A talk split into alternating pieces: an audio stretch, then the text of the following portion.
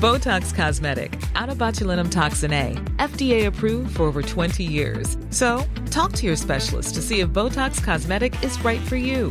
For full prescribing information, including boxed warning, visit BotoxCosmetic.com or call 877-351-0300. Remember to ask for Botox Cosmetic by name. To see for yourself and learn more, visit BotoxCosmetic.com. That's BotoxCosmetic.com.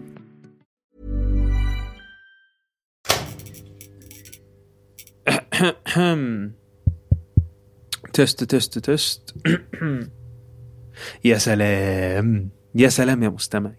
وحشني والله. بقالنا كام؟ بقالنا دلوقتي استنى كده بقالنا أسبوع ما شفناش بعض. شوف شوف دنيا دنيا والله.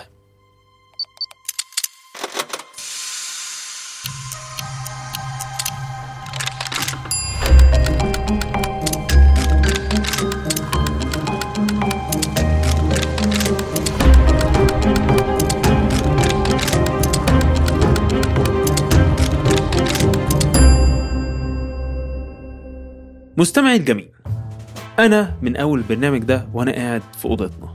بقوم أفتح النور كل أسبوع وأقعد كده وأرتاح وأسجل هذا الكلام لعزيزي المستمع الجميل. عارف أنت ليه عزيزي يا مستمع؟ لأنك الوحيد اللي بيسمعني. أنا لولاك يا مستمعي كنت هبقى قاعد في الأوضة الكبيرة دي لوحدي قاعد أقرأ وبطلب شاورما ويعني بشرب مية والكلام ده يعني. لكن أنت جيت النهارده تاني أهو عشان تسمعني وأنا فعلا فعلا ممتن على ده. يعني شوف شوف أنا كمقدم ما كنتش هبقى مقدم لولا إنك موجود عشان أقدم لك. بس الكلام ده بيفكرني بحاجة تانية كنت عايز أتكلم معاك فيها. كوباية القهوة بتاعتنا ويلا بينا.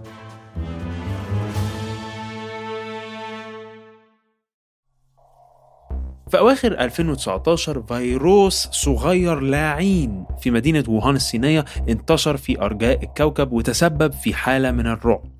أنا لسبب ما كده حابب النهاردة إن أنا أتخيل إن أنا بحكي الكلام ده لحد عايش في سنة 2120 وبفهمه الموضوع يعني فاستحملوني.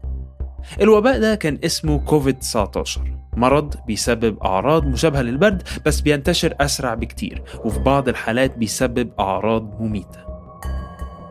المهم في محاولة للسيطرة على انتشار الوباء في العالم شفنا الحكومات بتحط قوانين صارمة بتحتم على الناس إنهم يقعدوا في بيوتهم فيما يسمى ال self isolation أو العزل الذاتي.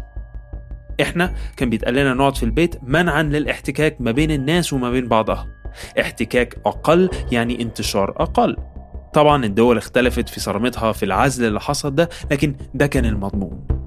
وسنة 2020 كانت بلا شك من أصعب السنين اللي مرت على ناس كتير بسبب العزلة دي.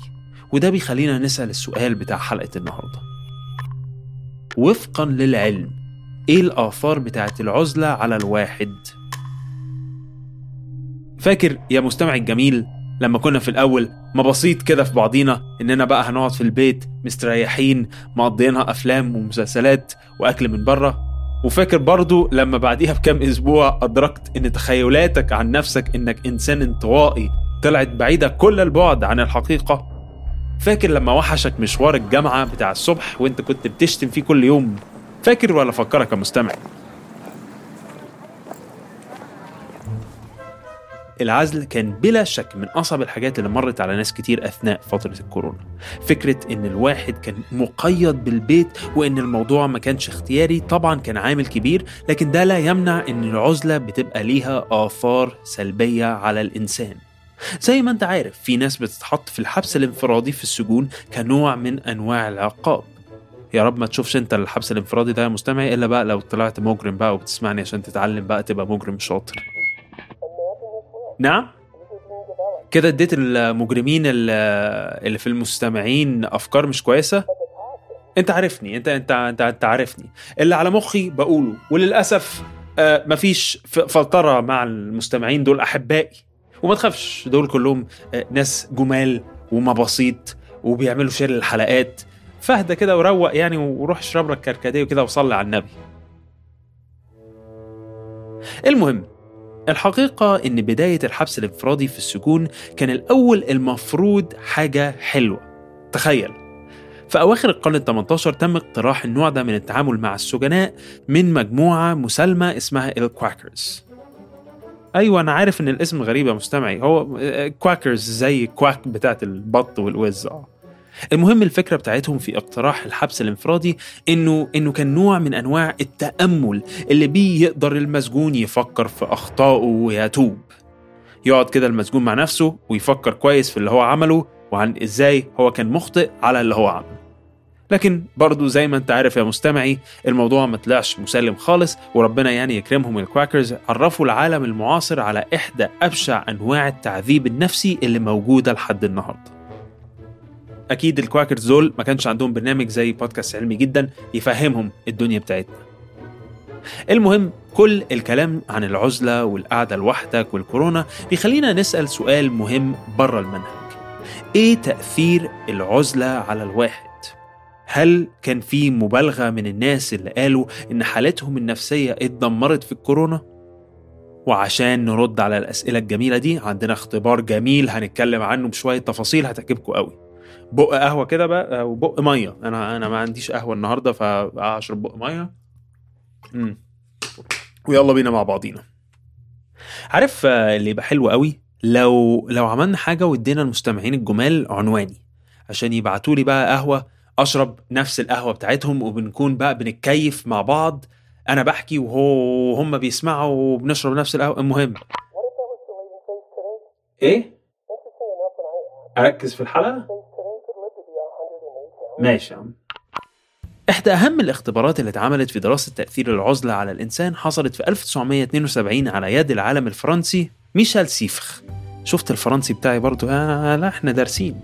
ده راجل كان بياكل كروسون وشغل باله جدا جدا تأثير العزلة على الإنسان. تقول بعض الروايات إنه كان بيحب الفضاء جدا وكنوع من أنواع المساهمة في المهام الفضائية حب يعرف تأثير العزلة على الإنسان إيه بالظبط. زي ما رواد الفضاء بيقضوا فترات طويلة بعيدة عن كوكب الأرض هو حب يشوف ده هيأثر على الإنسان إزاي. يعني لو الموضوع خطير مهم يعرفوا ده قبل ما يبعتوا ناس للفضاء. من كتر ما الدراسة دي كانت مهمة كانت تحت رعاية وكالة ناسا الفضائية بنفسها. وفي 1972 قام باختبار غير مفهومنا عن تأثير العزلة على الإنسان. الاختبار أيها المستمع المعزول ما فيهوش أي لف أو دوران المرة دي. ببساطة شديدة سيفخ قال لك أنا هعزل نفسي في كهف صغير كده. الكهف مكانه كان قريب من مدينة تكساس في أمريكا وأثناء فترة العزلة في الكهف دي كان هيكون متوفر له كل اللي هو يحتاجه عشان يعيش في أي مكان. فمثلا كان عنده مكان ينام فيه وكان عنده أكله وشربه. لكن الكهف كان مقفول عشان ما يقدرش يعرف الوقت في اليوم مثلا. وطبعا ما كانش مسموح له إنه يحتك أو يتعامل مع أي حد. الهدف كان إنه يحاول يجسد بالظبط الظروف بتاعت شخص في عزلة. بس السؤال المهم هيعمل الاختبار لقد إيه؟ هيقعد في الكهف ده لوحده قد إيه؟ قول قول قول رأيك يا مستمع آه، ما تكسفش تعرف إحنا أصحاب. تفتكر قاعد قد إيه في الكهف؟ أنت لو مكانه هتقعد قد إيه؟ آه ما تقعدش تلف وتدور وتقول لي يا ريت والله وإنك آه، نفسك تبعد عن آه، شوية آه، الدوشة بتاعت الدنيا دي وإنت كنت أول واحد يعيط بعد أول يومين في الكورونا. ما تمثلش ما تمثلش إحنا أصحاب. ها هتقعد قد إيه؟ الزميل الفرنسي سيفخ قعد أكتر من ست شهور في العزل الكهفي ده أيها المستمع الجميل. تخيل كده معايا 205 أيام قاعد لوحدك في كهف مالكش أي اتصال بأي حد. محدش يعرفك ولا أنت تعرف أي حد. مهارات ال communication اللي أنت بتاخد لها كورس دي ملهاش أي معنى خلاص.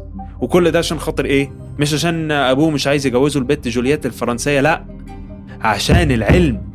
يا سلام يا أولاد. نفس العلم اللي أنا بخلص قهوتي فيه ده وأنا بشرح لكم هو هو نفس العلم اللي خلاه يقعد لوحده لمدة 205 أيام ما يتعاملش مع حد. فهمتوا؟ مش بقول لكم زملاء. المهم أثناء فترة جلوسه في الكهف دي كان بيشغل نفسه بالقراءة والكتابة والحاجات التانية اللي العلماء بيعملوها.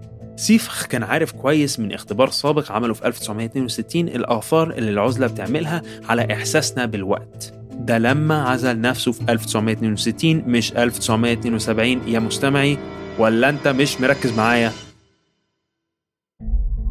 أقول لك تاني هو عمل اختبارين ماشي؟ اختبار في 1962 عزل نفسه فيه لمدة شهرين واختبار في 1972 عزل نفسه فيه لأكتر من ست شهور. إحنا النهاردة بنتكلم على الاختبار التاني. بس في الاختبار الأول عرف إن العزلة دي بتبهدل إحساسنا بالوقت. لما مساعديه قالوا له بعد الشهرين إن فترة العزل انتهت استغرب جدا لأنه كان فاكر إن عدى شهر واحد بس. لكن الاختبار اللي اتعمل في 1972 اللي كان لأكتر من ست شهور آثاره كانت أسوأ كتير كتير.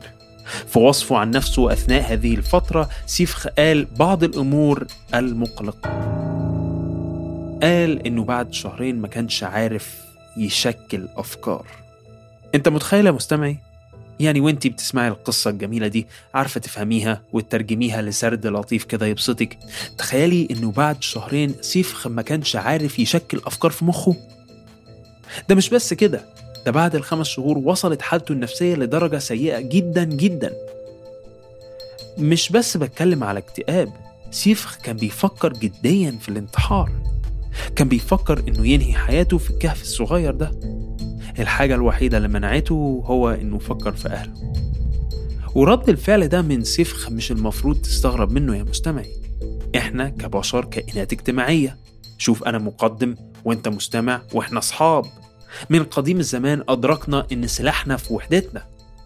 إلا بقى لو معاك فلوس دي قصة تانية خلاص ليها حلقة تانية. بس تاني إحنا كائنات اجتماعية. شوف أنت كده فكر كام حاجة بتعملها في حياتك متعلقة ببشر آخرين. أهل بقى أصحاب جيران زملاء إلخ إلخ. ولما سيفخ عزل نفسه عن الناس للفترة الكبيرة دي حالته النفسية وصلت لدرجة إنه يقال إنه حاول يصاحب فارة. نعم مستمعي؟ نجح ولا لأ؟ يعني أنت ساب القصة كلها مستمعي وماسك في دي. ارحمني بقى ارحمني ركز بقى ركز يعني جاي تركز في الحتة دي في القصة. بس نهاية القصة إن بعد فترة العزل دي كلها كان سيفخ على وشك الجنون بسبب العزلة. لما الواحد اتعزل في الكورونا وسمع الناس بتتكلم على صعوبة الموضوع افتكرت قد إيه أنا ممتن على الناس اللي في حياتي. المايك مثلا اللي أنا بتكلم فيه ده. وإنت يا مستمع الجميل خليك فاكر كويس إن بالرغم من اختلاف أحوالك عن أحوال سيفخ إلا إن حقك تحس بالمشاعر السلبية اللي كنت بتحس بيها دي أثناء فترة الحبس بتاعت الكورونا. بس لو الحاجة الوحيدة اللي العزلة هتعملها هي إنها تفكرك بإننا مع بعض وإن قوتنا في وحدتنا فدي حاجة حلوة برضه افتكروا إنكم مش لوحدكم. العزلة مش حاجة حلوة أو حاجة تدعو للفخر. افتكروا إن حواليكوا ناس بتحبكم ونفسها تعمل أي حاجة عشان تسعدكم. وأنا منهم طبعا لأنك مستمع الجميل اللي أنا بحبه.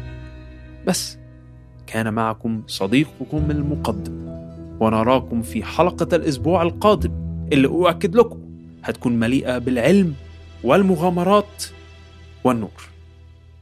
بس وتصبحوا على نور. بودكاست علمي جدا من إنتاج شبكة Kerning Cultures أنتوا عارفينها خلاص. البودكاست ده من إعدادي وتقديمي أنا الشخصية تدقيق حقائق تمارا جبوري ولينا الديب إشراف تحريري هبة عفيفي تصميم صوتي محمد خريزات بول ألوف وسارة كدوري تصميم جرافيكي أحمد منصور. هي دي الناس يا جماعة اللي شايلة البرنامج على كتافها هم دول. قبل ما تمشوا زي ما أنتوا عارفين حاجتين. لو عجبتكم الحلقة حاولوا تكلموا الناس عنها وحاولوا تكلموا الناس عن بودكاست علمي جدا. وتاني حاجة لو فعلا عجبتكم حاولوا تقيمونا على منصة البودكاست اللي أنتوا تسمعوا عليها. شكرا جدا وأنا أراكم في حلقة قادمة برضو مع مقدمكم.